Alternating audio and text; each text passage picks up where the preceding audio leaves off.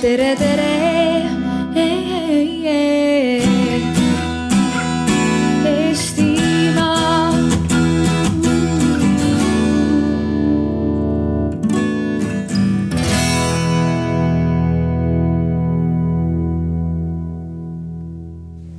head kuulajad, alustame siis äh, järgmise aruteluga siin väärtuste alal.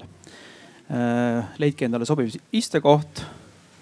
Ja räägime siis äh, täna loomse tooraine vabadest materjalidest moetööstuses ja lühidalt sisu kokkuvõtteks, siis loomad on ju pikalt olnud seotud moetööstusega ja maailm on aga pidevas muutumises ja tänapäeval on järjest enam inimesi endale teadvustanud, et loomade kasutamine moetoodetena ei ole enam vajalik. tekkinud on palju jätkusuutlikke alternatiive, mille tootmiseks ei pea põhjustama kannatusi elusolenditele. Ja me arutleme siis täna, mida saavad erinevad huvigrupid veel ära teha, et loomsete materjalide kasutamine moetööstuses lõpeks. missuguseid alternatiivmaterjale täna pakutakse ja millised on nende kitsaskohad kas need alternatiivid hoiavad täielikult ära kahju elusloodusele või on ka alternatiivmaterjalidel omad miinused, arvestades siis keskkonnamõjusid. Ja kas siis, kas ning millisel juhul on ikkagi võimalik ka tänapäeval kuidagi loomseid materjale kasutada meie moetööstuses ja rõivatööstuses nii, et loomadele ega keskkonnale kahju ei tee? Minu nimi on Kristo Elias, ma olen ERR-i ajakirjanik, tegutsen Osooni ja Ökoskoobi saadete juures. Ja minuga koos on siin arutelus äh, näiteks äh, Reet Aus, kes on Eesti Kunstiakadeemia vanemteadur, jätkusuutliku disaini labori eestvedaja, väärtustava taaskasutuse upcycling meetodit rakendav disainer. teeme aplausi. siis on meil siin Tiia Plamus, kes on TalTechi vanem lektor materjali ja keskkonnatehnoloogia instituudis polümeeride ja teksti, tekstiilitehnoloogia laboris. Ja meil on ka Anni Ilves, kes on kodumaise alpaka brändi disainer, mis valmistab siis alpakade nahast ja viljast luksuslikke rõivaid ja interjööritooteid ja meil on ka Merilin Haugas, kes on siis korraldajate MTÜ Loomuse esindaja. ta on õppinud ka rõiva ja tekstiiliala ressursikorraldust ja tegeleb vegan jalanõude ja kottide müügiga. Ja kui ma seda arutelu nii-öelda ette valmistasin, siis ma mõtlesin nagu isiklikul pinnal ka, et äh, siis need loomsed materjalid äh,. mina ei ole eriti moeteadlik inimene, ma ei kanna selliseid moeasju ja, ja, ja, ja mõtlesin, et mis on siis minul kodus äh, sellised loomse päritolu asjad või minul endal seljas. paraku mul on ainuke, mul on kaks nahkrihma ja need on äh, päris nahast, need on aastaid juba kantud ja töötavad. Äh, karusnahka mul ei ole, naisel ka pole. on mõned nahkkingad, ma arvan. ja paraku üks suur nahkasi on veel auto on mul nahkistmetega. nii et nii on ja ma küsiks nüüd te,, teeks ühe sellise küsitluse, kellel on täna seljas midagi, mis on loomanahast tehtud või on mõni karusnahkne asi, ma seda ei, muidugi ei usu. loomanahast? Jalanõud, jalanõud, jalanõud. kellel ei ole üldse mitte ühtegi asja, mis on loomset päritolu, midagi kodus? no ütleme, ei kanna ühtegi loomset päritolu asja kui siis second hand. jah, see on loomne päritolu, aga second hand. ja üks tuli ainult, oli üks jah, kaks, kolm. No niimoodi ja ülejäänud on sellised, kellel on olemas, kes täna ei siia arutelule lihtsalt selga ei pannud igaks juhuks. nii, aga küsin kõigepealt siis Merilini käest, et äh, miks me sellest teemast täna üldse räägime Äh, miks see on probleem, et meil on loomsed, loomsed materjalid moetööstuses? jah, tere, väga meeldiv, et teid siia nii palju on tulnud kuulama, et see teema teile huvi pakub. Nagu juba mainitud, olen mina loomaõiguslusorganisatsioonist Loomus. loomus tegeleb loomade huvide ja õiguste eest seismisega, kuna loomad on tundevõimelised elusolendid, nii nagu meiegi. Nad tunnevad hirmu, kurbust, valu, aga ka rõõmu ja teisi emotsioone kas te teadsite näiteks, et kui rotte kõhu alt kõditada, siis nad hakkavad naerma ja nad hakkavad seda sõrme taga ajama, sest neile meeldis see ja nad tahavad edasi mängida. Teisest küljest on tapamaja töötajad tunnistanud, et enne kõri läbilõikamist voolavad lehmal pisarad. kas tundub, et see olukord on tõesti lehma jaoks meeldiv ja ta läheb sinna vabatahtlikult? aga miks me seda siis teeme? võib-olla mõnda aega tagasi oli loomade kasutamine meie enda heaolu nimel tõesti vajalik. Teisi alternatiive lihtsalt ei olnud, me pidime ellu jääma. aga see aeg on väga kaua aega tagasi juba mööda saanud, aga me ikkagi jätkame seda. alles on jäänud harjumus, me soovime maitseelamusi saada, meile meeldib, kuidas loomade kehaosad ja kehaeritised maitsevad.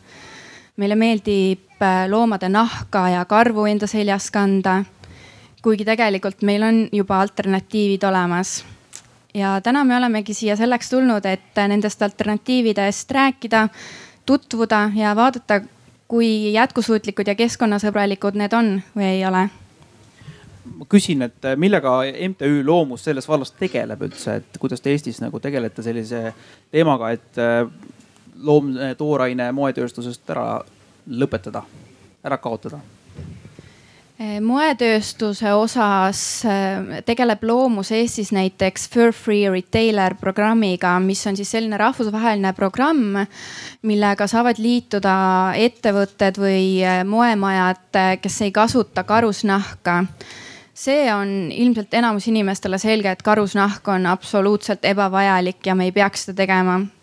ometigi ei taheta karusnahakasvatust ka Eestis keelustada. huvitav, miks?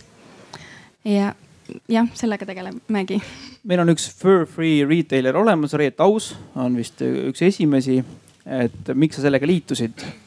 jah, me olime Eestis esimesed, kes sellega liitusid ja noh, see põhjus on ju hästi lihtne, kuna meie mm,, meie kaubamärk, mis kannab nime Reet Aus, on aastaid ja aastaid keskendunud jätkusuutliku moe ja rõivaste valmistamise edendamisele, siis ja eetilistele küsimustele, siis see on iseenesestmõistetav, et meie kaubamärk on ka eh, sada protsenti siis eh, karusnahavaba, kuigi jah, me ei kasuta ka nahk, nahka, ükskõik millist nahka siis oma kollektsioonis ja oma toodetes. ja me oleme teinud üsna sellised eh, selged reeglid endale, mida me siis üldse ja kuidas me oma asju toodame, mida me kasutame, milliseid materjale ja, ja milliseid tehnoloogiaid. Ehm, ja jah kas sina ise kasutad nahka üldse oma tegevuses oma seljas? noh, kuna mm, see teema, millega mina aastaid ja aastaid siis tegelenud olen, on tegelikult ikkagi jäätmete vähendamine, siis äh, ka seda teemat tuleb vaadelda natuke laiemalt. et äh, kuna mm, moetööstuses on ikkagi väga suur osa sellest on, on äh, nahkesemed ja, ja, ja nahk, nahktooted ja väga suur osa sellest nahast, mida kasutatakse, on tegelikult äh, lihatööstuse ülejääk. et ähm, hoolimata sellest, et äh, meie oma kaubamärk seda ei kasuta, siis suures plaanis, kui suuremat pilti vaadates, loomulikult on ju küsimus, et kui meil on ülejääk materjal, kas on mõistlikum seda ära kasutada või on mõistlikum see saata saata prügilasse või kuhugi loodusesse lagunema, siis jah, Äh, ringmajandusmudeli ähm, printsiibist lähtudes loomulikult on mõistlik äh, sellest ülematerjalist teha uued tooted no sellest me jõuame veel rääkida.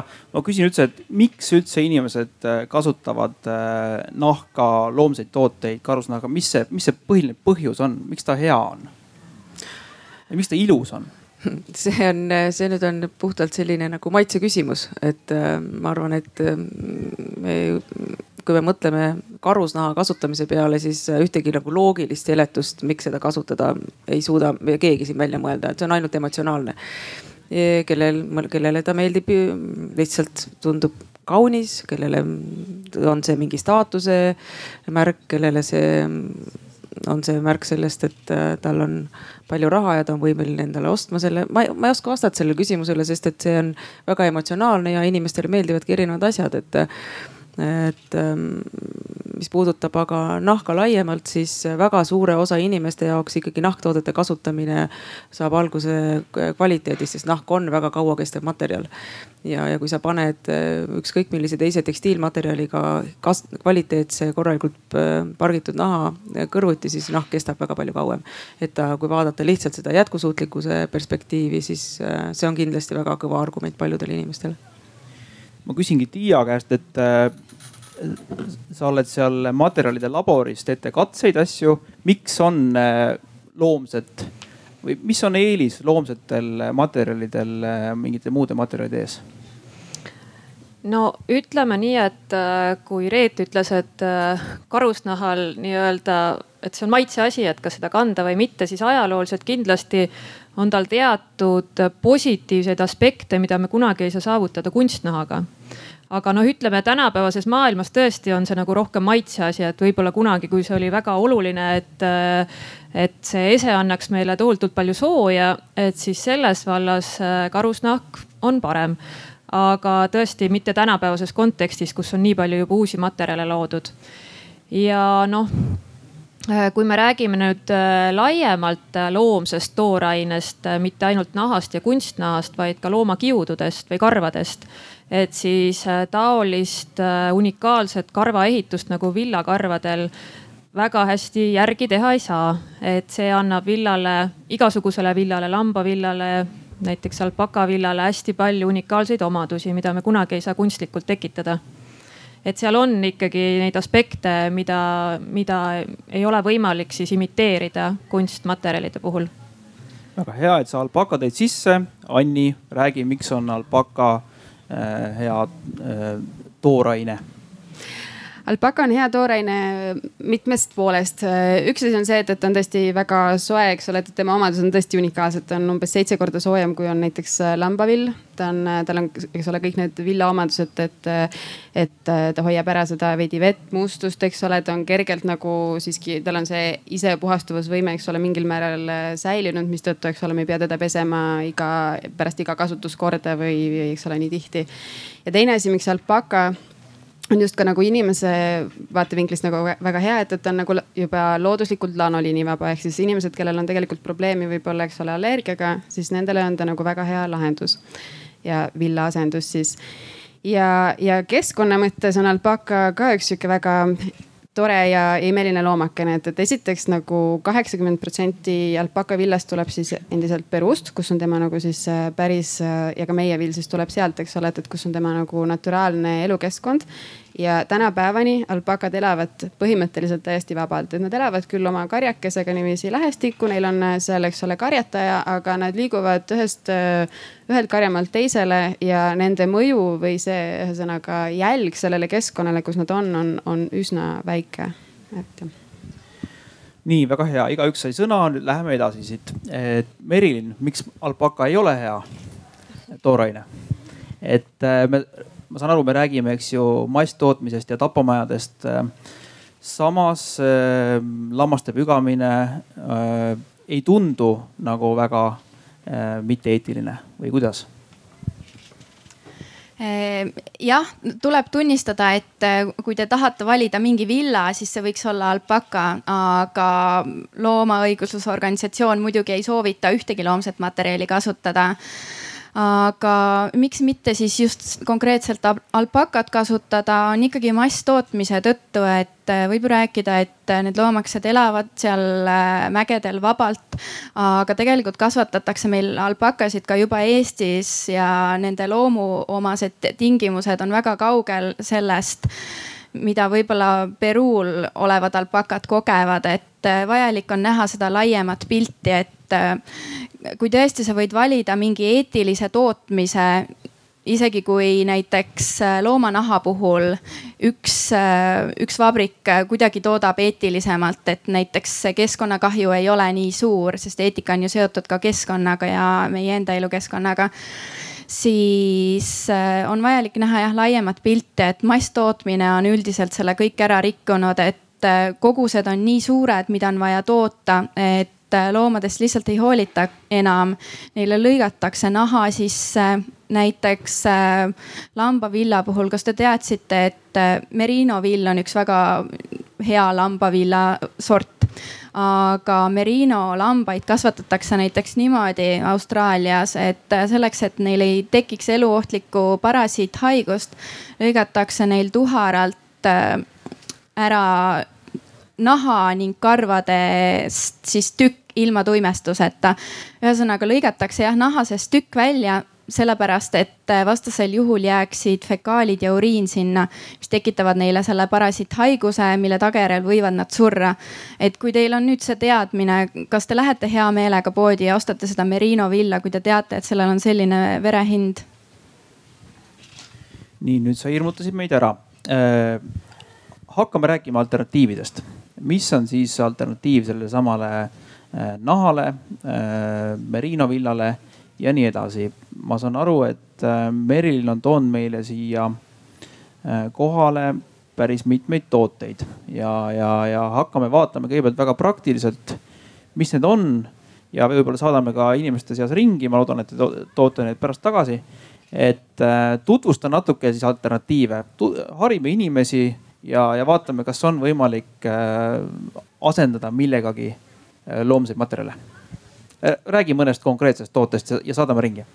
Jah, hea meelega, et äh, peamine alternatiiv loomanahale, kui sarnast välimust soovida, on ikkagi plasti baasil materjal, aga igasugune plast ei ole halb, et äh, plastidest oskab ilmselt Tiia paremini rääkida, aga mina siis räägin nii palju, kui mina tean, et siin on üks mudel, mis on siis toodetud polüretaani baasil ja see polüretaan ei ole siis ainult nafta, vaid hoopis taimse õli baasil, et äh, see on osaliselt biolagunev, aga ta näeb tõesti väga loomanaha sarnane välja, et, et kui teil on siis kaks valikut, et äh, kas te toetate seda julma loomatööstust või valite selle siis valik ei peaks väga keeruline olema, siin on ka teisi materjale kasutatud, millega te siis saate tutvuda, et ma räägin nendest ka natukene, et äh, detailidena on võimalik kasutada ka kivi. kivi on väga huvitav materjal, aga kuna seda ei tohi murda, et siis sellest ei saa kogu jalanõud toota, aga sellest saab teha kas näiteks talda või käekotte, rahakotte, igasuguseid selliseid tooteid. siis äh, minu meelest üks ideaalsemaid alternatiive on looduslik kork. kork on siis korgipuu koorest, see ei kahjusta seda puud kuidagi. puul on tegelikult vaja koorimist, niimoodi ta kasvab edasi edukalt kork on veekindel, isegi vihmavarjusid toodetakse korgist ja saate olla kindel, et kui te kannate sada protsenti korgist jalanõud, siis see on veekindel. see on õhku läbilaskev, isegi antibakteriaalne, väga kerge. sisetallaks on kork ideaalne materjal, selle mudeli puhul on siis seda kasutatud ka. ja tald on taaskasutatud kummist, et kui ikkagi kasutada selliseid materjale, mis võib-olla uuel kujul ei ole kõige paremad kumm on ju ikkagi sünteetiline materjal, siis äh, tuleks neid materjale alati taaskasutada, et äh, kas siis rataste sisekummidest toodetakse näiteks kummi või siis äh, plastpudelitest on võimalik toota materjali, et sünteetilisi materjale tuleb, ähm, tuleb siis uuesti kasutada. teeme siin stopi. kuidas tundub, Tiia, kas see laboris Teil on olnud selliseid asju, mis te laboris teete selliste asjadega, tuleb keegi inimene, kes äh, toodab sellist äh, nii-öelda vegan jalanõud. Äh, mis te seal teete, teete katseid, teste, mida te teete ja kas, kuidas, kuidas võrrelda nüüd nahka ja, ja seda? no oleneb, mis probleem on, et alati peab see klient siis püstitama ka eesmärgi, et me võime mitukümmend või isegi sada erinevat katsetust teha, mis kõik maksavad päris palju. aga oleneb, mis see probleem on, et äh, noh, reeglina tullakse selliste materjalide ja toodetega, mis juba on katki läinud või purunenud, et siis me teeme kindlaks, milles see küsimus on. et kas siis vale kandmine või tootmises on midagi valesti läinud. aga noh, näiteks kui nüüd mõtleme, et selline materjal või selline jalats toodaks, et mida siin võiks siis katsetada on see vastupidavus. näiteks, kuidas ta peab vastu meie ilmastikutingimustes, kuidas nahalaadne materjal vastu peab. ja noh, kaugemas tulevikus võiks katsetada ka, kas kas ja kas ta üldse on biolagunev näiteks, et võiks bio, biolagunemust katsetada näiteks. kunstnahk kui selline on ju kogu aeg olemas olnud, eks ju no,. minul on olnud ka igasuguseid jalanõusid äh, kunstnahast ja, ja, ja muudest asjadest.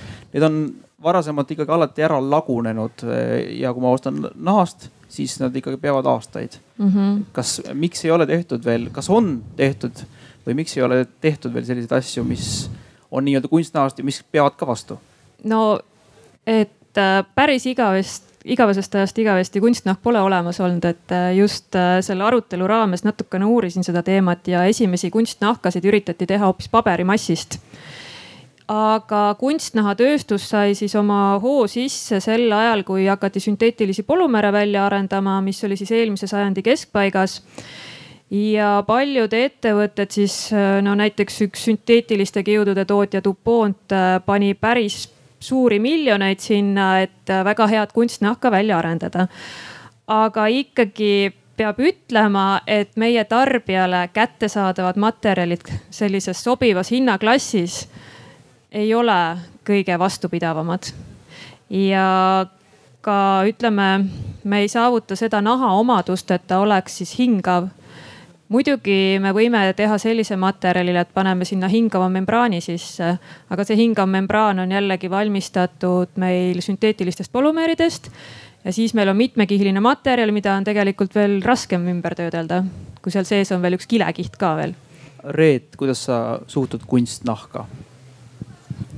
No oleneb, millest see kunstnahk tehtud on, aga ma arvan, et kõik naftapõhised materjalid, kui me räägime klassikalisest naftapõhisest kunstnahast, siis äh, päris kindlasti, kui jälle on valida, kas see naftapõhine uus kunstnahk või, või taaskasutatav äh, ülejääk mm, nahk, teise ehk siis teise tööstuse ülejääk, siis äh, loomulikult see teine variant on jätkusuutlikum, kui me sellest printsiibist lähtume mis kõikide nende naftapõhiste materjalide suur probleem ongi seesama, et, eh, et neid on keeruline ümber töödelda, nad ei ole kauakestvad ja, ja ühel hetkel noh, nendega ei ole mitte midagi peale hakata, nad lihtsalt koormavad meie keskkonda, nad ei kao siit mitte kuhugi ja see on see on see plastide põhiline probleem ja see on ka see, miks see on olnud nii-öelda siis suureks prioriteediks siin mitmeid-mitmeid aastaid Euroopa Liidule, ÜRO-le ja, ja nii edasi, et, et, et leida lahendusi ja, ja liikuda nii monomaterjalide suunas, kui siis leida alternatiive naftapõhistele. eh, materjalidele. kui me räägime taimsetest mm, materjalidest, loomulikult Tiia on minust miljon korda targem ja ma mina ei hakka siin arvamust äh, arvama või avaldama, sest et ma lihtsalt ei tea nendest teemadest nii palju. küll aga kui veel kord, et kui vaadata seda suurt pilti, siis minu arust on alati hästi oluline ikkagi lähtuda kõigepealt sellest, et mis meil juba olemas on. sest et äh, ressursid on piiratud, seda me teame kõik Äh, järjest rohkem ja rohkem äh, me tegeleme sellega ka moe- ja tekstiilitööstuses, et äh, olemasolevat siis ringluses hoida. kui me juba oleme suutnud tekitada nii suure hulga naftapõhiseid materjale, siis meie esimene ülesanne on loomulikult töötada välja lahendused, kuidas me neid saame ümber töödelda ja hoida, hoida ringluses, selle asemel, et midagi uut sisse tuua. kui me vaatame lihatööstust ja neid ülejääke, siis loomulikult meie esmane ülesanne on vaadata, kuidas me suudame need ringluses hoida, aga samal ajal me ei tohi ära unustada seda, et me peame kogu aeg töötama siis äh, selle nimel, et meil tuleksid mingisugused jätkusuutlikud alternatiivid. noh kui me räägime masstöötusest, tööstusest, sa siin tõid välja masstööstuse pahupoole, siis loomulikult masstööstus on saatanast, ma arvan, et ei ole kellelgi ju kahtlustki.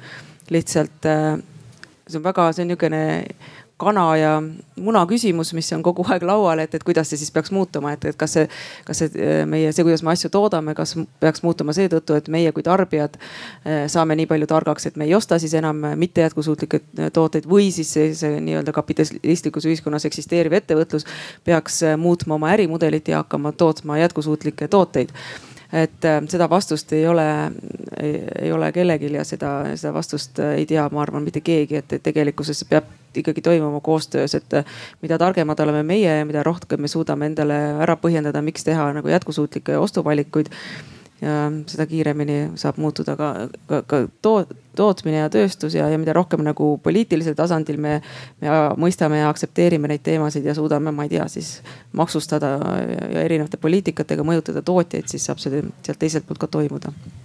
Anni, äh, kas sinule on äh, tuldud küsima, et kas see sinu toode või sinu tooraine on selline äh, jätkusuutlik, keskkonnasõbralik, eetiline see, milles sa teed seda? Ja ikka see on järjest rohkem inimesi huvitub sellest, et, et kas, kas tegemist on ikkagi nagu jätkusuutliku tootega või, või mis selles on jätkusuutlikku või, või mis mitte, et, et see on nii ütleme siis tavakliendid on juba rohkem sellest huvitatud, kui ka, kui ka on näha, et, et kui me käime messidel, eks ole, oma edasimüüjatele müümas, siis ka seal on alati see teema üleval. et äh, kindlasti on inimesed juba rohkem teadlikud ja, ja, ja mõtlevad selle peale. palju sa ise oled oma toorainest teadlik, palju sa ise oled uurinud? No üsna, kuigi ma arvan, et on päris pikk tee veel minna, et äh, ma olen seal käinud äh, Peruus, eks ole, nüüd kohapeal, ma olen äh, saanud käia nendes vabrikutes, kus me toodame ja olen proovinud seal igalt inimeselt küsida tuhat miljon küsimust alpaka kohta. aga kindlasti on veel, ma arvan, noh, ma ise olen rohkem ka huvitatud, eks ole, et, et kuidas see protsess seal käib ja, ja mis siis nagu need kõik osad on ja mis on selle keskkonnamõju nagu, et, et ka, ka võib-olla rohkem sihukest natukene minna teaduslikuma teksti poole, et, et see on nagu midagi, mida ma niiviisi järjest proovin rohkem süvakuti minna, et, et aga, aga pigem juba natukene teadmisi on. ma vaatan, siin on ühed saapad. Merilin, kas see nüüd asendakski sellist villa või karva või mis asi see on seal? see pruun saabas, näita, näita seda ja sellised saapad siis, et need on toodetud ananassilehtede kiududest Äh, ananassi, see on siis äh, toidutööstuse jääk tegelikult, et need lehed jäävad Filipiinidel lihtsalt põllule alles, need jäävad sinna kõdunema, nendega ei ole mitte midagi teha. aga üks ettevõte leidis, et neist on tegelikult võimalik toota sarnaste omadustega materjali nagu on loomanahk, et äh, see on tugev, vett hülgav, õhku läbi laskev. aga need karvad?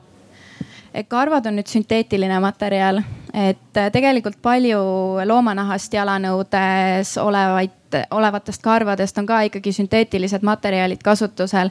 et äh, kui see jalanõu ei ole nüüd äh, täiesti üleni sada protsenti biolagunev, siis minu meelest on oluline see, et me liigume mingis suunas, et teadlased näevad väga palju vaeva, et välja töötada erinevaid materjale, mis oleksid natukenegi paremad kui loomanahk, mis tegelikult on, loomatööstus on keskkonnale väga-väga koormav, et sellest ka väga palju tegelikult ei räägita, et kas te kujutate ette, et üks lehm joob päevas keskmiselt seitsekümmend liitrit vett.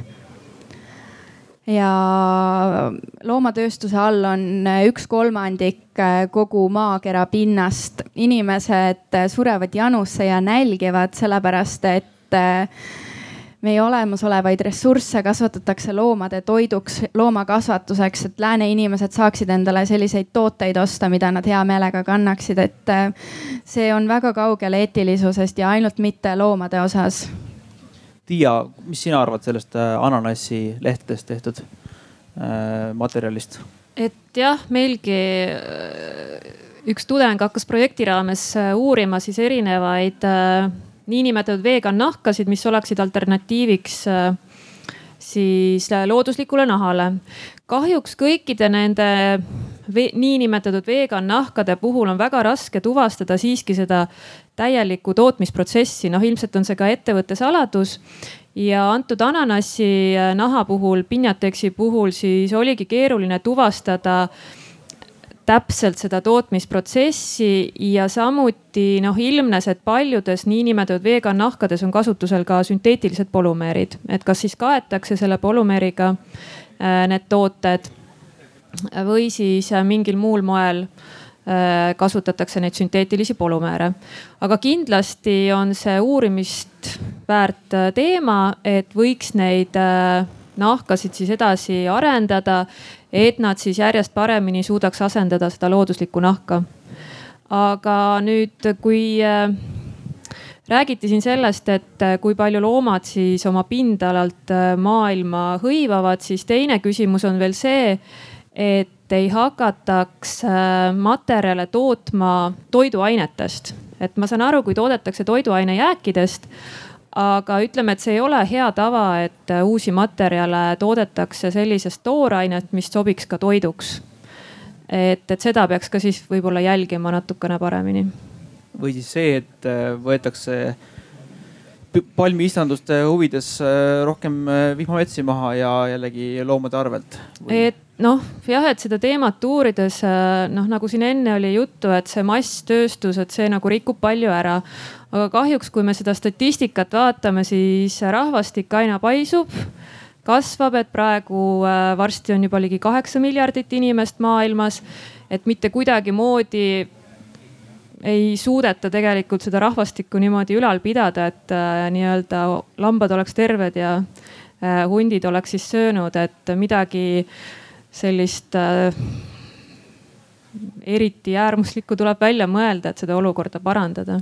Reet, kas see on heaoluühiskonna teema, et me siin räägime sellest, et äh, kuskil Aasias ei, absoluutselt ei räägita sellest teemast. No, meil on see luksus, et meil on siin hea elu on ju, et kui sa natuke maailmas ringi käid, nagu me kõik seda teeme, sest et meil on see taskukohane, me saame tegeleda siin lendamise ja muude asjadega aktiivselt, aga noh, kui loomulikult, kui sa lähed mõnda masstööstuse piirkonda Indias või Bangladeshis või noh, Bangladesh on väga hea näide, ma lihtsalt olen ise seal väga palju käinud, väga palju aega veetnud, väga palju ringi ringi sõitnud ja, ja palju tööd teinud ja näinud väga palju tehaseid ja külastanud seal ka ühte, ühte nahatööstuse piirkonda, mis, mis ma pean ausalt öeldes tunnistama, et et lõppes sellega, et, et ma ei olnud võimeline autost välja minema, sest nii kui ma auto ukse tegin lahti, ma hakkasin oksendama, sest see hais oli lihtsalt nii raju. ja see piirkond, kus inimesed elasid ja see, see, see vabrikust siis ütleme siis niimoodi, et see parkimisprotsess on erakordselt mürgine, eks Tiia oskab sellest täpsemalt rääkida, mida, mis kemikaale seal kasutatakse. ja see vaatepilt oli siis selline, et need torud, mis sealt tehasest tulid, eks seal ju sellist kanalisatsiooni nagu meil on seal külades ei ole.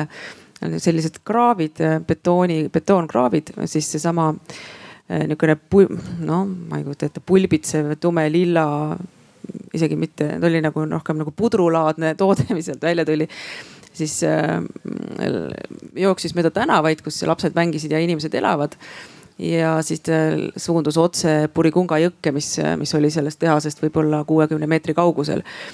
ja ja need inimesed, kes seal elavad, loomulikult nende veeallikas on ju seesama jõgi. Nad teevad toitu sellest, nad pesevad ennast selle veega ja nii edasi, et noh, ei ole vaja mõelda rohkem kui kaks sekundit, kui sa saad aru, kui, saad aru, kui, kui keerulises olukorras need inimesed seal elavad või mis tingimustes nad elavad.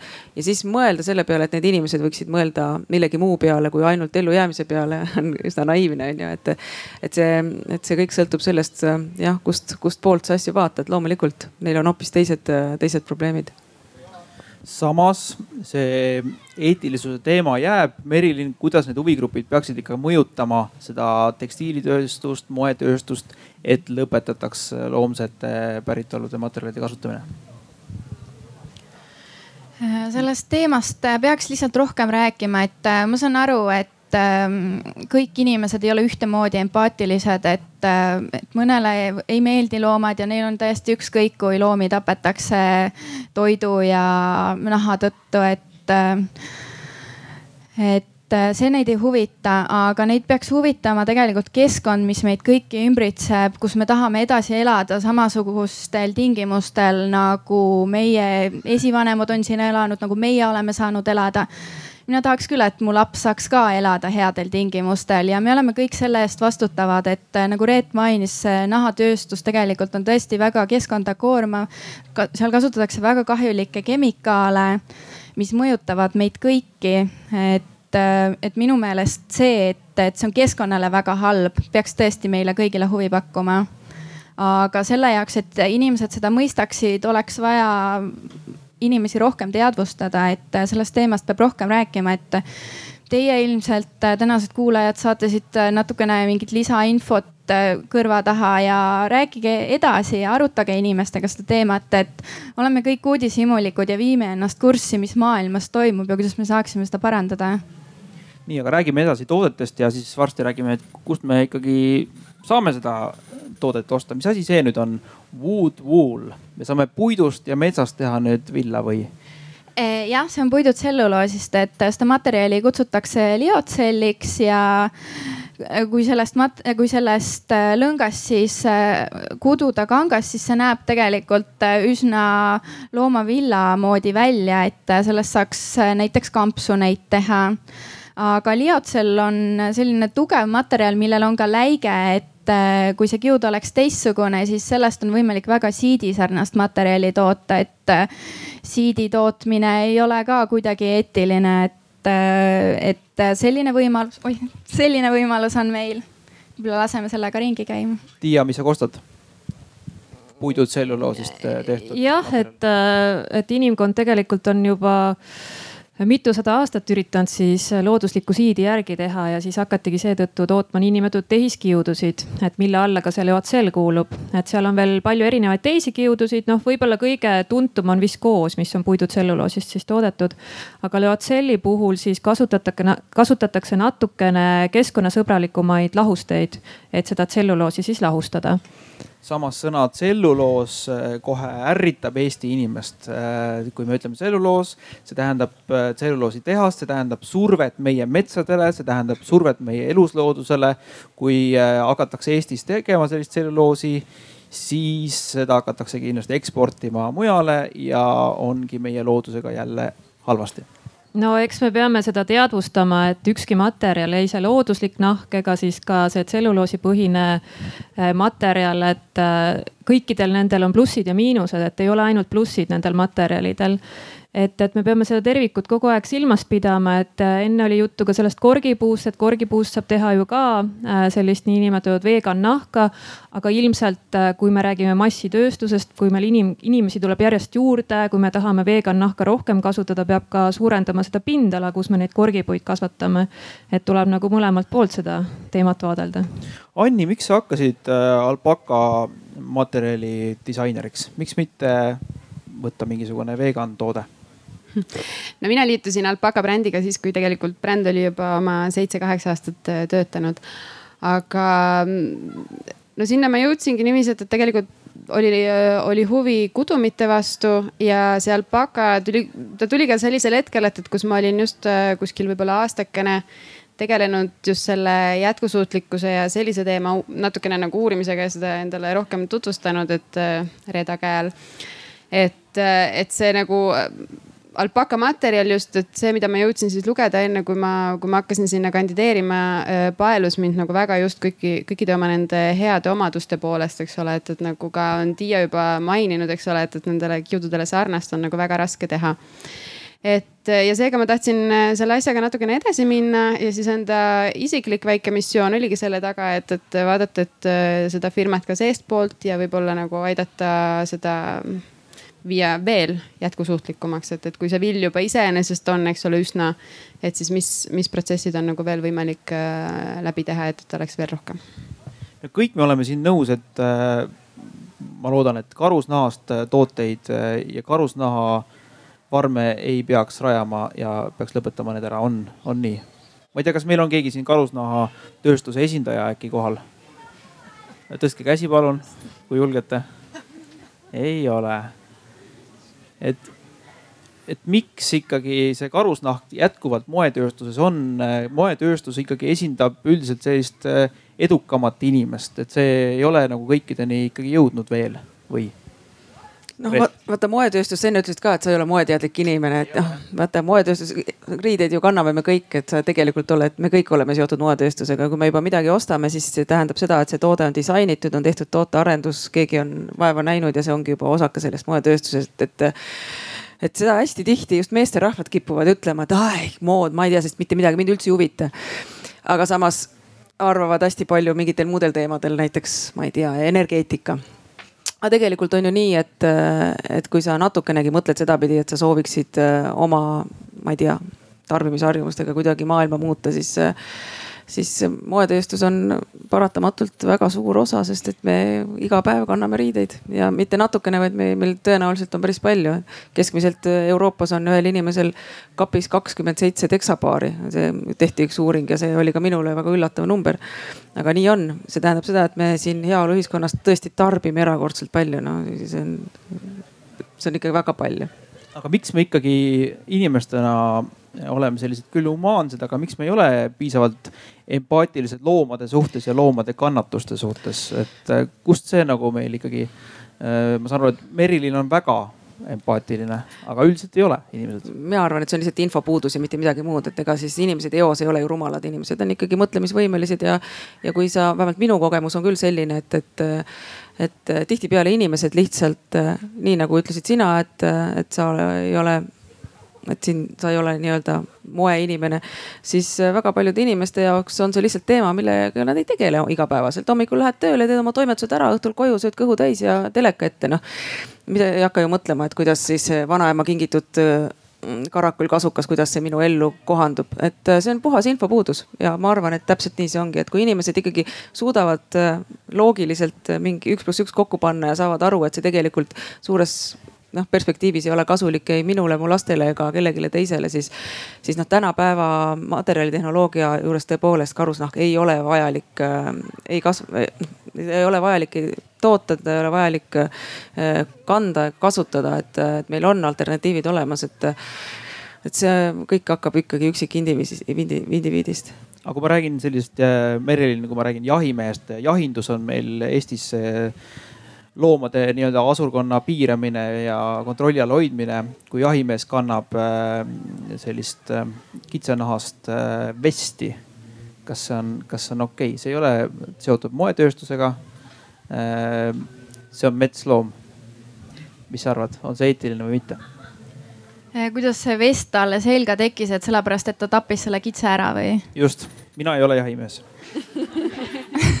väga tore see on keeruline teema, et äh, ma ütlen ausalt, et ma ei ole jahiteemaga kursis, et kas, kas meil on tõesti loomi nii palju ja seda arvukust on vaja piirata, et. jah. on nii jah kuna me on reguleerime kõike oma metsades, siis me peame paraku äh, reguleerima ka loomi ja teeme põllumajandust, järelikult ka loomi tuleb piirata.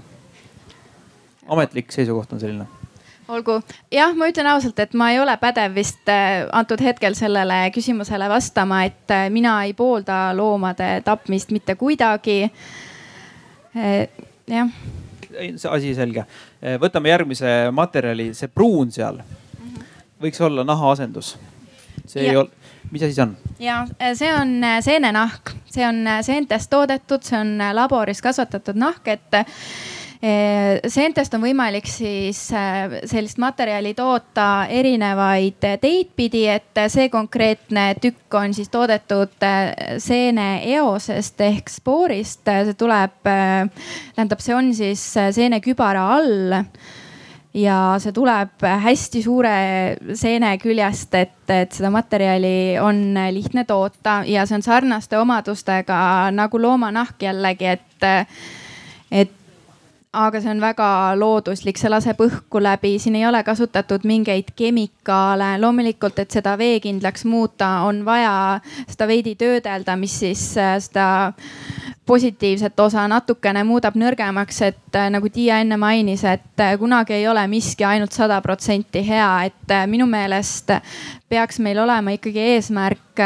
leida alternatiive kogu aeg, mis oleksid natukene halvemad kui eelmised, et me järjest muutume, muudame ennast äh, selle parema maailma natuke poole pare,. natuke paremad kui eelmised. jah ja., sa ütlesid halvemad ah,. võib-olla tõesti, vabandust e,. et äh, Tiia, miks ei ole see seenematerjal äh, meil, seenenahk levinud, mis on veel see probleem, mida peab lahendama? no eks jällegi see vastupidavus ja noh, eks tuleb eksperimenteerida selle materjaliga veel äh, aastaid, et ta oleks selline hea ja vastupidav ja kuidas teda toota, on ka küsimus, et kui me nüüd teda hakkame massiliselt tootma, et millised on siis need keskkonnamõjud jälle, et siis me ilmselt peame mingisuguseid vastavaid tehaseid rajama ja mis on selle keskkonnamõju, et kindlasti seda tuleks uurida. muidugi ta on alternatiiv sellele loomsele nahale, et äh, noh, küsimus ongi siis, et millises suunas me liigume, kui põhieesmärk on see, et mitte loomi tappa ja mitte kasutada looduslikku nahka, siis ta on üks võimalus, aga me peame kõike ju laiemalt vaatama no,. unustame korraks selle keskkonnasõbralikkuse ära, sellepärast et äh, kõik, mis me teeme, on äh, keskkonnamõjuga ja ilmselt keskkonnale kahjulikud. küsime, kuidas ikkagi arendada seda teemat, et need äh, loomsete materjalide vabad äh, äh, nii-öelda tekstiilitooted leviks maailmas. mida, mida nagu teha, et me asendaksime ära ja, ja, ja paneks ainult need kasutusse? seal on ainult üks probleem on see, et, et me ei ole, meil tegelikult ei ole selliseid materjale, mida me oleksime suutelised massiliselt tootma. et kõik need alternatiivid on liiga kallid hetkel kõik nad on sellised, mida me oleme võimelised tegema siis väikeses mahus, testfaasis. miks see nii on? ma ei oska sellele küsimusele vastata. nõudlus ei ole piisavalt suur. ei ole asi nõudluses ka ainult, ma arvan, et see on ikkagi väga paljuski tehnoloogia keerukuses ja selles, et, et see, mis meil praegu, millega me oleme harjunud, see on lihtsalt nii äh, palju odavam ja käepärasem. noh, kui me võtame näiteks kasvõi puuvilla ja ikkagi korraks tuleme tagasi keskkonnamõju juurde, siis tegemist on vaieldamatult ikkagi toor toormega, mis on kõige kesk-, kõige suurema keskkonnamõjuga just ennekõike, kui me räägime veest. ja kui sa siis vaatad, kui suur on see puuvilla protsent meie toodetes ja kui väga inimesed seda puuvilla armastavad ja, ja kui väga nad arvavad, et tegemist on erakordselt sümpaatse materjaliga, samal ajal kui keskkonnaaktivistid väidavad, et, et no kohe päevapealt tuleks puuvilla tootmine ära lõpetada, kui me üldse soovime siin rääkida midagi magevee säilitamisest, noh siis äh, midagi pole teha, no meil ei ole alternatiive. Ja miks ei ole alternatiive? see on nii lihtne lihtsalt, no kasvõi lina tootmine, mis ka Eestis või siin meie regioonis äh, ühel hetkel ära lõpetati. Ainult sellel põhjusel, et tööjõud meil on palju kallim kui teistes piirkondades ja nii edasi. et miks tootmine Euroopast välja kolib? Ikka sel samal põhjusel, et, et niikaua kui me noh, kuidagi globaalselt ei ühtlusta siis teatud protsesse nii kaua seal ka lahendust eriti ei ole, vähemalt mina ei tea, mina ei näe, võib-olla Tiia, sa oskad kommenteerida paremini. Ei noh, muidugi küsimus on selles tõesti, et äh, praegu me näeme, et äh, kes neid äh, niinimetatud alternatiivseid kangaid ja materjale kasutavad, on disainerid ja väikestes partiides. Ja kui me hakkaksime nüüd neid jälle masstootma, et siis olukord on midagi muud ja ütleme, on vaja ka vastupidavat materjali ja ütleme, inimene on hinnatundlik. et inimesest algab kõik, et äh, ei olda nõus ju ka seda raha välja käima. Merilin, kuidas levitada neid, mis sinu arvamus?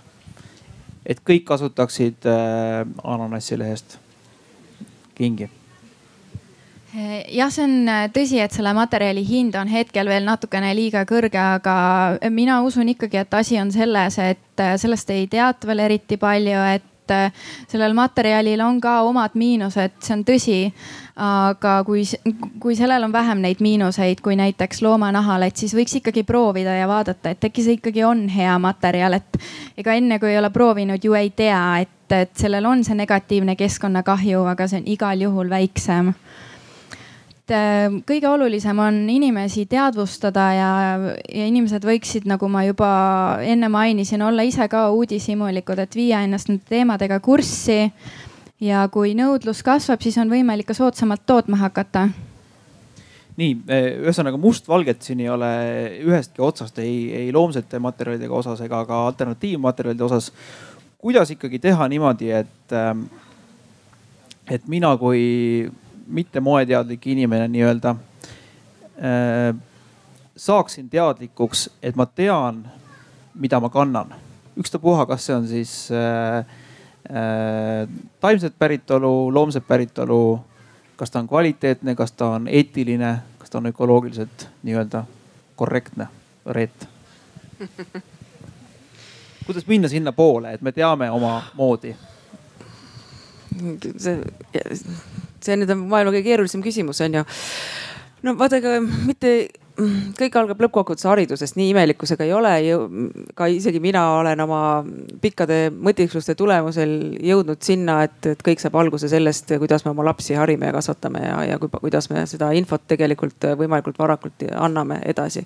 ehk siis midagi pole teha, lapsevanematel ja õpetajatel on siin väga-väga suur roll mängida selleks, et me ka vähemalt siis järgmise põlvkonna kasvataksime natukene targema, kui meie põlvkond on.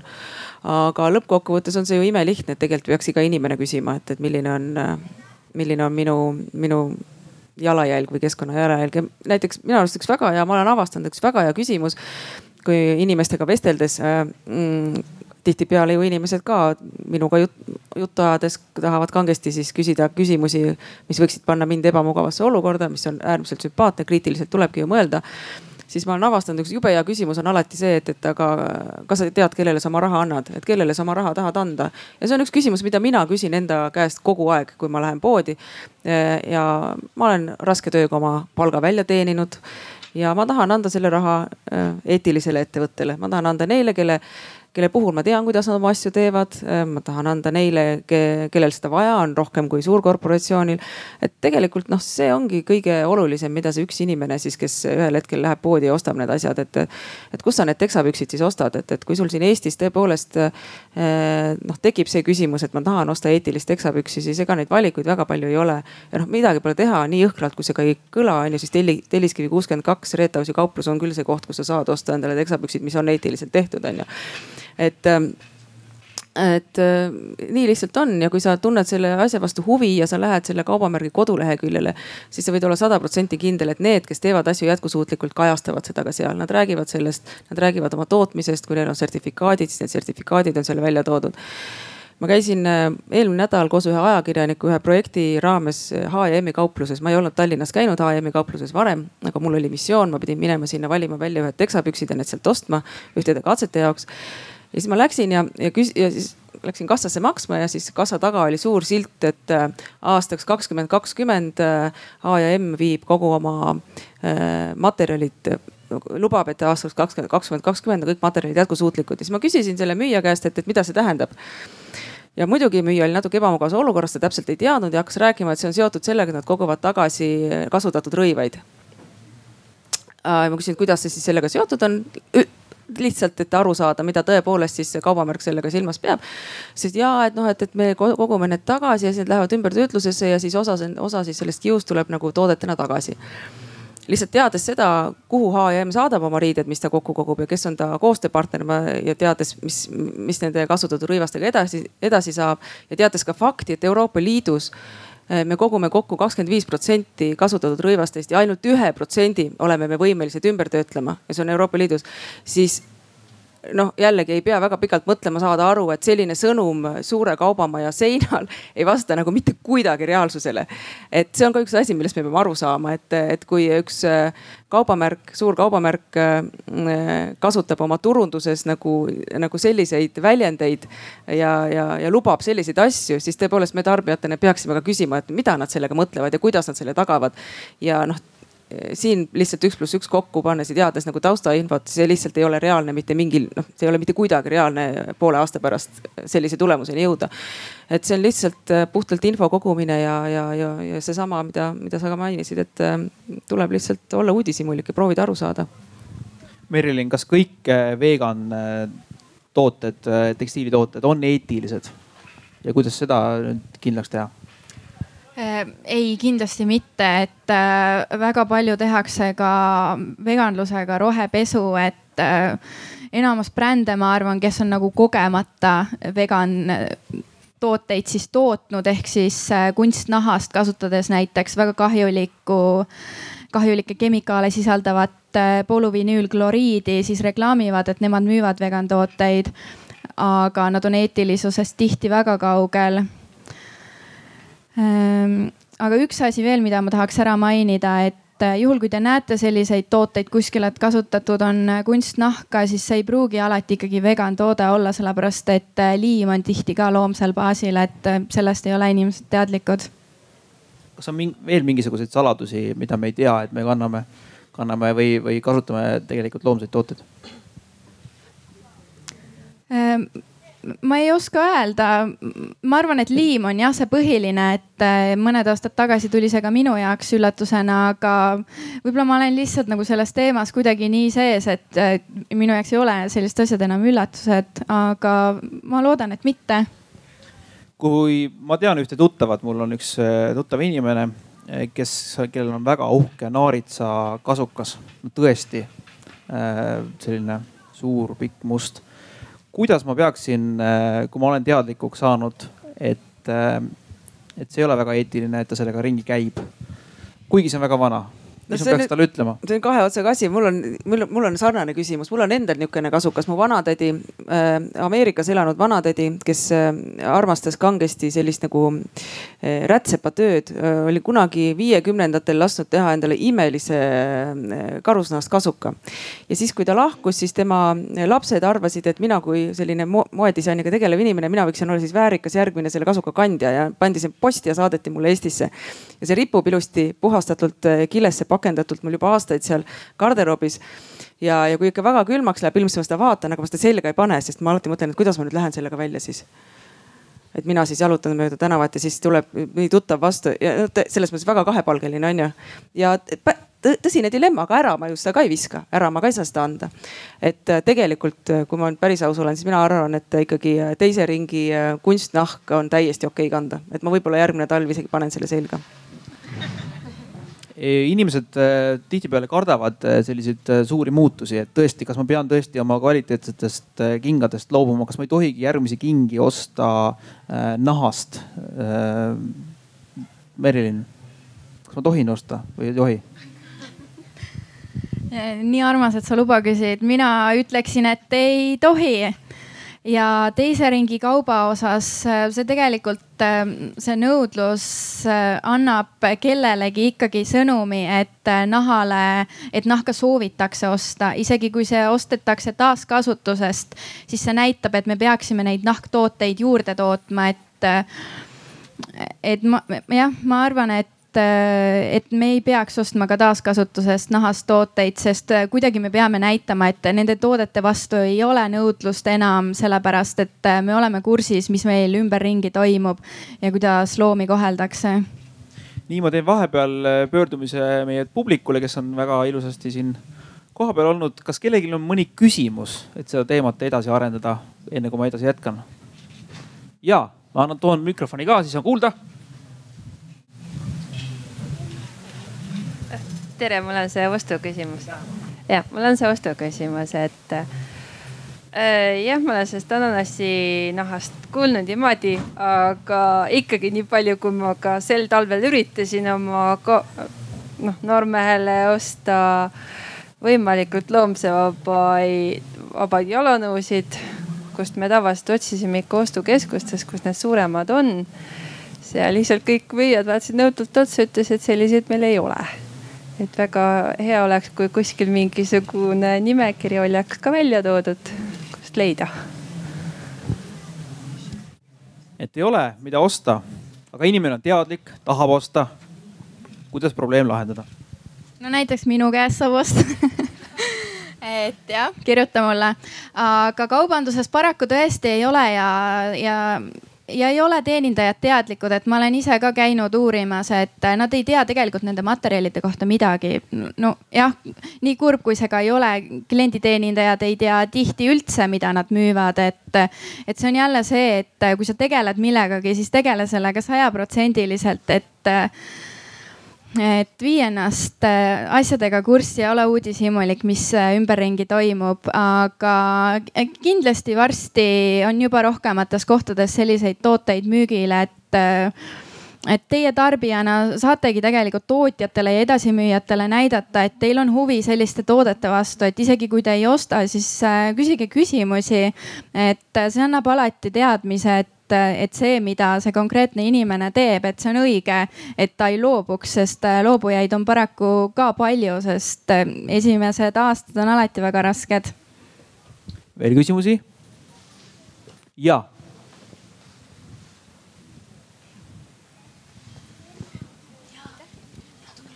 Äh, et teie arvate, et et äh, teise ringi nahktooted ja loomatooted, et neid ka ei peaks ostma, et, et mida siis nendega teha, et kui need on juba tehtud, et siis, kui nad on seal taaskasutuskeskuses näiteks, et siis nad jäävad sinna ja siis meil, mis nendega pärast juhtub, et, et kas nad siis, siis nad lähevadki prügiks, et mina arvan siiski, et äh, kõik äh, riided, pigem mina ostan need äh, nagu taaskasutusest selle asemel, et uusi osta, eriti kui need äh, Ehm, vegannahad on tihti ka plasttooted ja nii, et siis see on ka kallis ja see võtab väga palju vett ja väga palju uusi ressursse, et neid toota.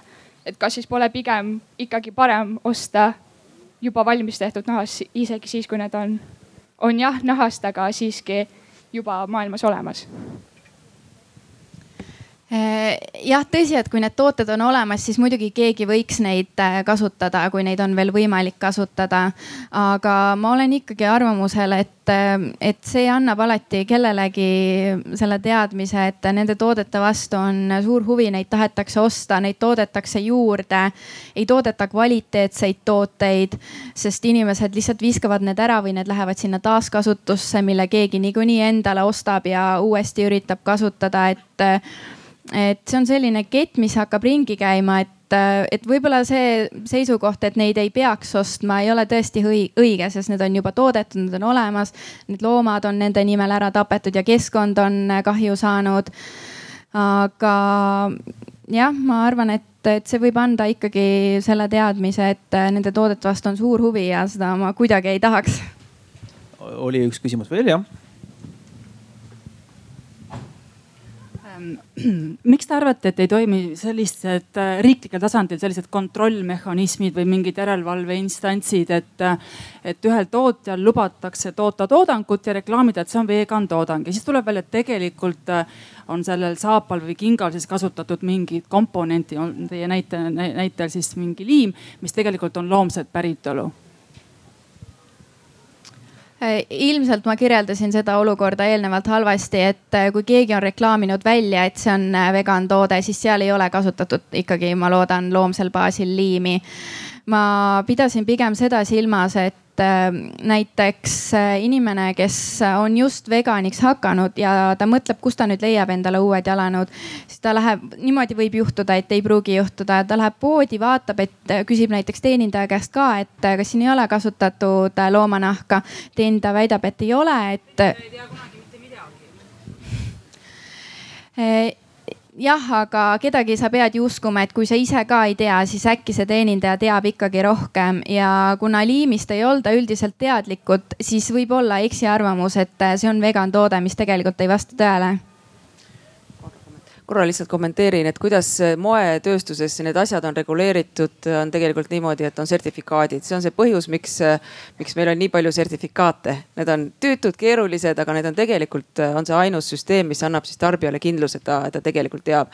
et kui sa tahad osta endale noh, näiteks kui sa soovid osta orgaanilist puuvilla, siis sa pead teadma, millised on need toote sees olevad sertifikaadid. näiteks kots on selline, mis on laialt levinud ja, ja mille puhul sa võid olla kindel, et tegemist on orgaanilise puuviljaga kui sa lähed Indeksi kauplusesse ja ostad endale äh, aluspüksid, kuhu peale on lihtsalt kirjutatud orgu, orgaaniline puuvill, siis sa võid olla sada protsenti kindel võib-olla mitte, ma ei tea.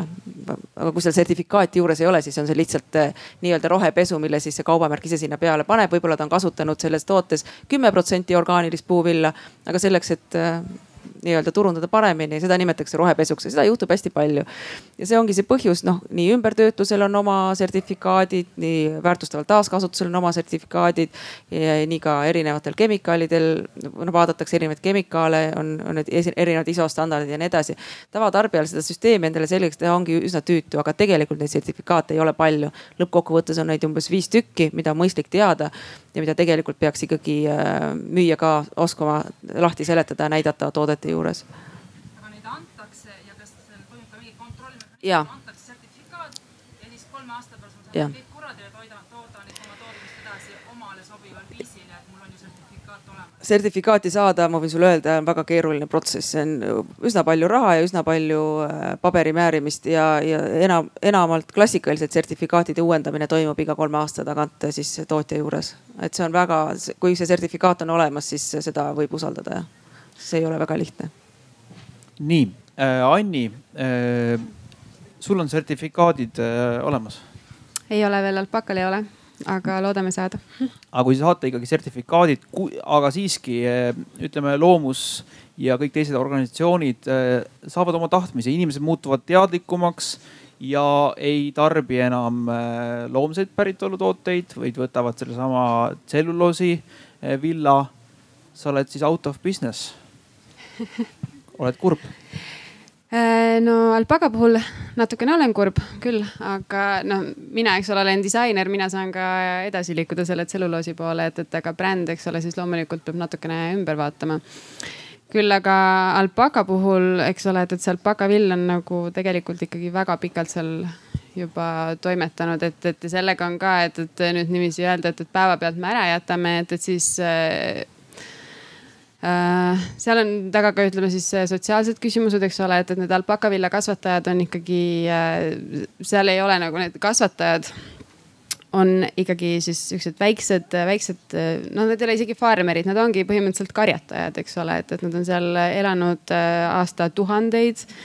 et äh, ja, ja nende puhul tõesti, eks ole, et, et kui me nüüd äh, ütleme, et, et nii, et me ei osta enam teilt seda alpakavilla, et, et tehke, mis tahate, eks ole, et, et siis see maa, kus need alpakad praegu elavad, eks ole, et, et see ei ole ka väga põllumajanduslik maa et, et selleks, et seda nagu muuta siis põllumajandusele kõlbulikuks maaks, ma usun, et, et peab hakkama väga palju kemikaale kasutama, väga palju sinna kuidagi seda rohkem vett saada ja nii edasi, et, et seal on nagu tekib, eks ole, mustmiljon teist äh, probleemi, et, et et aga kindlasti, eks ole, et, et on, on vajalik vaadata, eks ole, et, et okei okay,, et üks hetk, kui me oleme seal alpaka villa nagu sealt, eks ole kätte saanud, et, et siis kuidas seda edasi nagu äh, tehakse, eks ole, et, et kuidas seda toodetakse ja, ja nii edasi.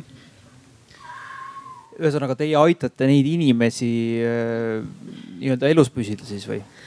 noh, loomulikult Alpaca on, eks ole, ka on tootev bränd, eks ole, et, et aga ütleme nagu, kui sa vaatad niiviisi, äh, et et kui me nüüd tõesti, eks ole, tahame midagi toota, eks ole, me tahame teha kas siis kampsuneid või pleede, eks ole, et, et kas ma võtan siis selle alpakavilla või, või ma võtan selle tselluloosi, et siis äh, mina nagu praeguses situatsioonis näen küll, eks ole, et, teades kõiki neid ka, eks ole, tselluloosi ja muude kiudude nagu kas siis ma ei tea, puuduseid või mis iganes, eks ole, et, et siis mina valiksin praegusel hetkel ikkagi selle, et, et ja ma näen, et, et sealt on nagu võimalik ka ütleme täpselt neid kogukondasid ka tegelikult natukene ka aidata, jah Tiia, sina ikkagi materjaliteadlasena, kas sina usud, et äh, funktsionaalselt äh, asendavad mingil hetkel äh, teised materjalid äh, näiteks naha, loomanaha? sada protsenti ma ei usu seda et on võimalik saada ligilähedane materjal aga kas teadus- ja arendustöö äh, läheb selliselt nii kalliks maksma, et kas see on seda väärt? et on proovitud küll siin erinevaid materjale aastate, aastakümnete jooksul arendada, aga sageli just ongi see, et see arendus on niivõrd kallis, et see asi muutub ebaefektiivseks ja kui me räägime veel sellest, et me hakkame asendama loomseid materjale mingisuguste sünteetiliste materjalidega, siis tooksin välja sellise fakti, et iga kord, kui te pesete pesumasinas oma rõivaid, siis tegelikult selle reoveega satub keskkonda sadu tuhandeid mikroplasti osakesi ja kui me räägime sünteetilistest materjalidest, siis on need ju sünteetilised äh, kiud, mis sinna lähevad ehk plastitükid. et äh, noh, see tekitab küsimusi, et kas see on hea alternatiiv või ei ole? ei ole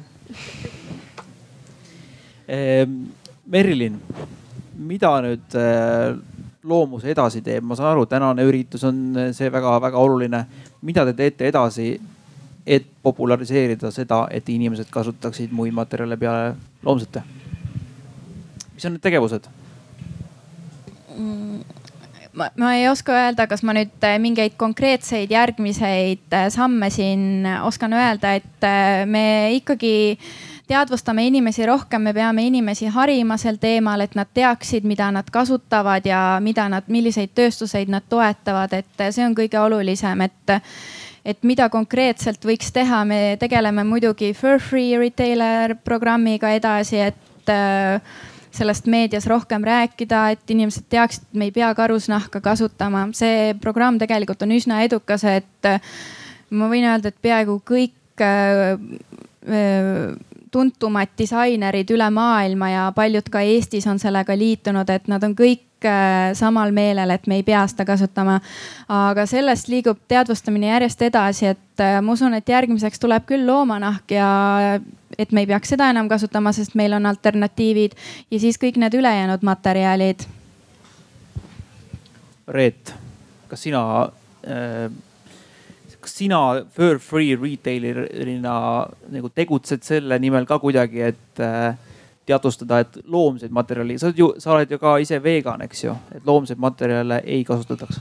Ei, ma ei ole vegan, ma olen taimetoitlane, kes aega vahest natukene ka kala sööb, et aga noh, tõesti looma ma ei ole söönud ikka üle kahekümne aasta, ma arvan loomulikult, ega siis mina oma igapäevategevuses toetan seda maailmavaadet ju täielikult lihtsalt eh, kui vaadata nagu suuremat pilti ja kui vaadata seda, mis maailmas me elame ja mis on meie probleemid, siis tuleb kõik igale asjale alati läheneda natukene noh, vaadata ühelt poolt ja siis teiselt poolt, kolmandalt ja võib-olla ka neljandalt poolt, et.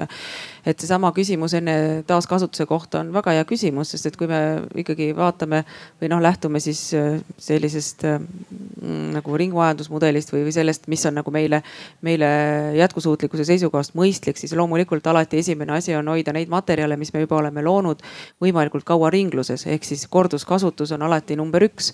et kui meil ikkagi juba toode on, on valmis tehtud ja, ja tal veel on mingi funktsioon olemas, siis seda prügilasse saata on äärmine rumalus, loomulikult tuleks seda taaskasutada või siis, kui taaskasutada enam ei saa ümber disainida või kui ümber disainida ei saa, siis ümber töödelda.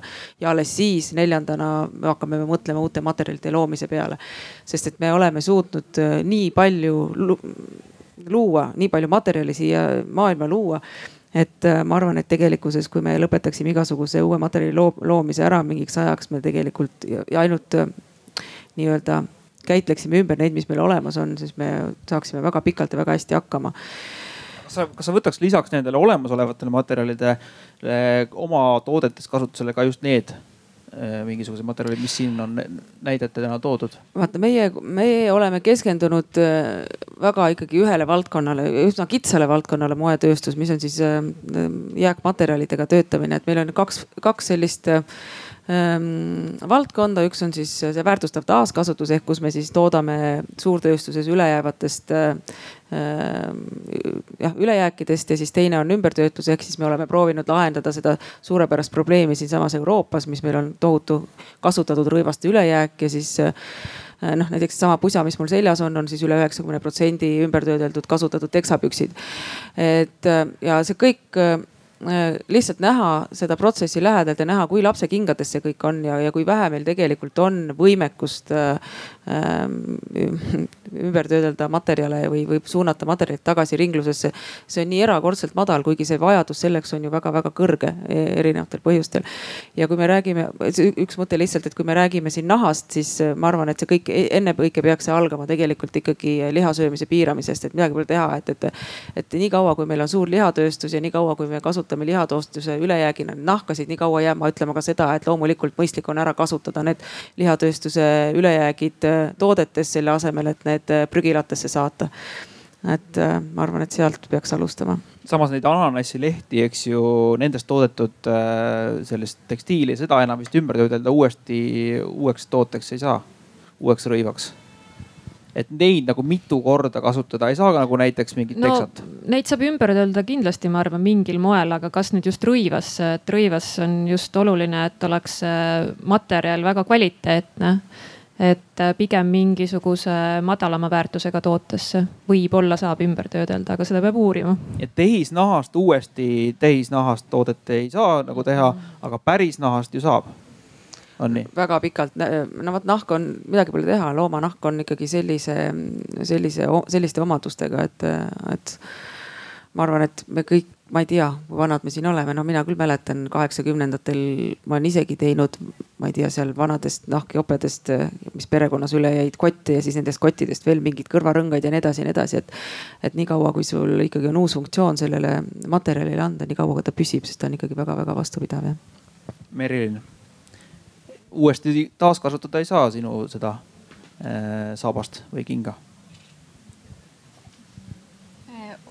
nagu Tiia juba ütles, et, et see ei ole selge, ilmselt teadlased oskavad sellele küsimusele paremini vastata, et mina ei tea täpselt, kuidas sellest on võimalik uut materjali toota.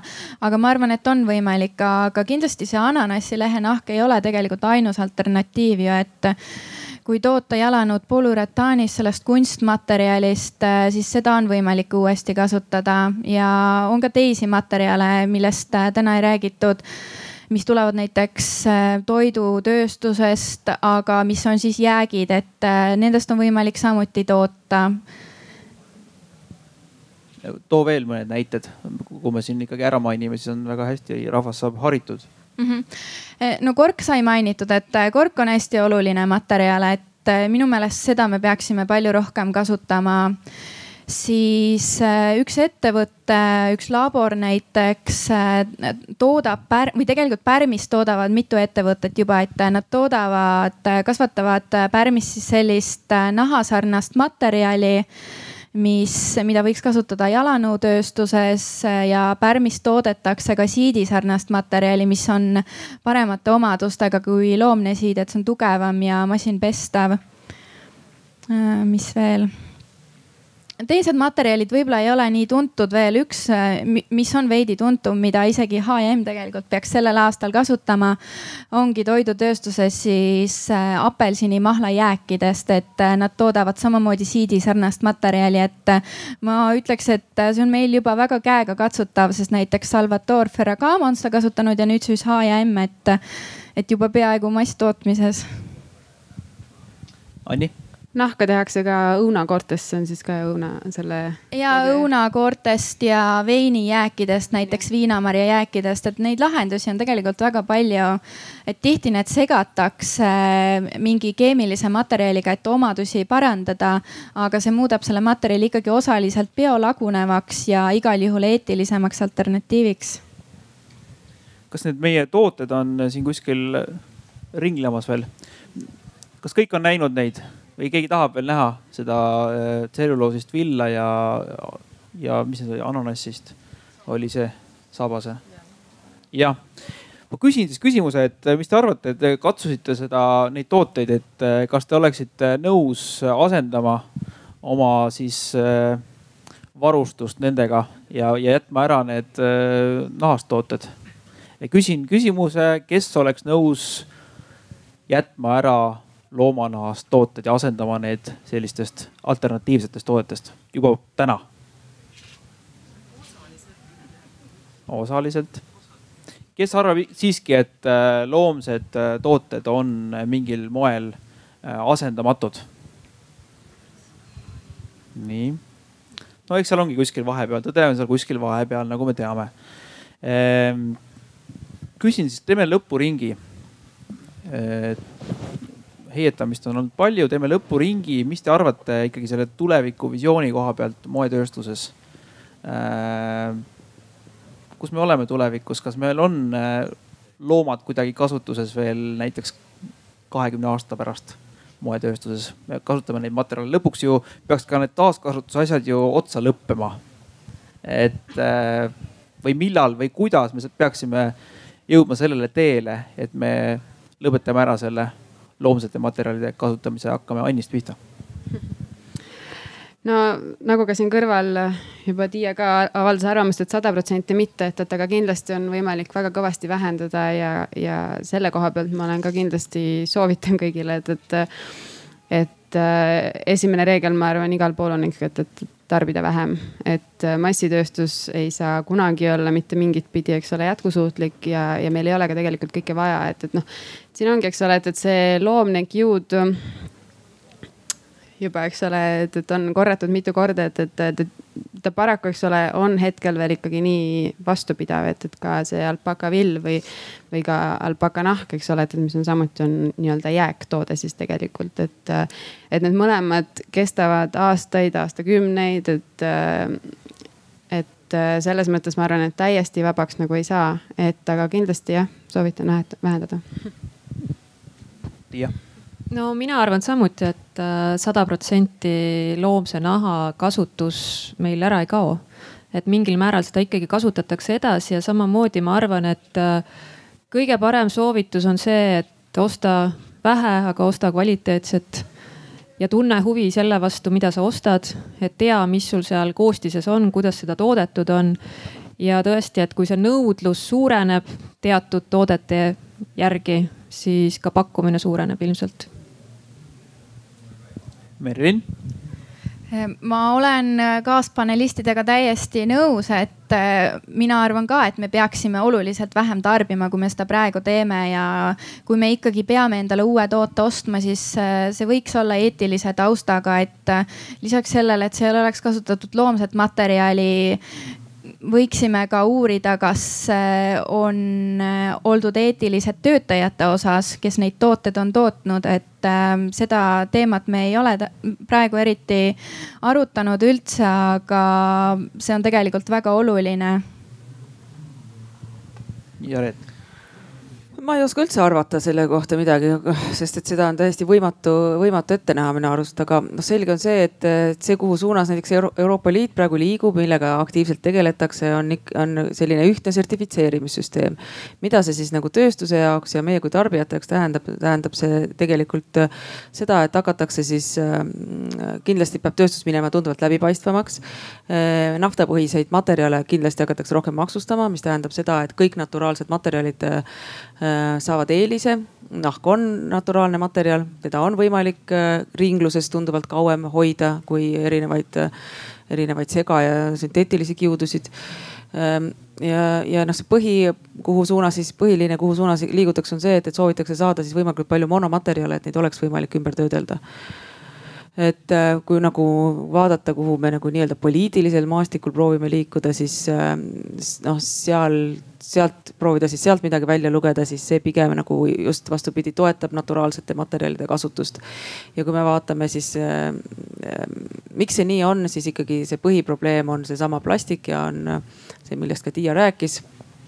mis meie, mis ohustab meie ookeane ja kogu meie nagu ökosüsteeme see on siis see, mida tegelikult ennekõike soovitakse vähendada ja see kindlasti äh, ei ole ei toeta mitte miskit pidi siis naftapõhise kunstnaha tootmist näiteks on ju, et, et kindlasti see, see jällegi väheneb.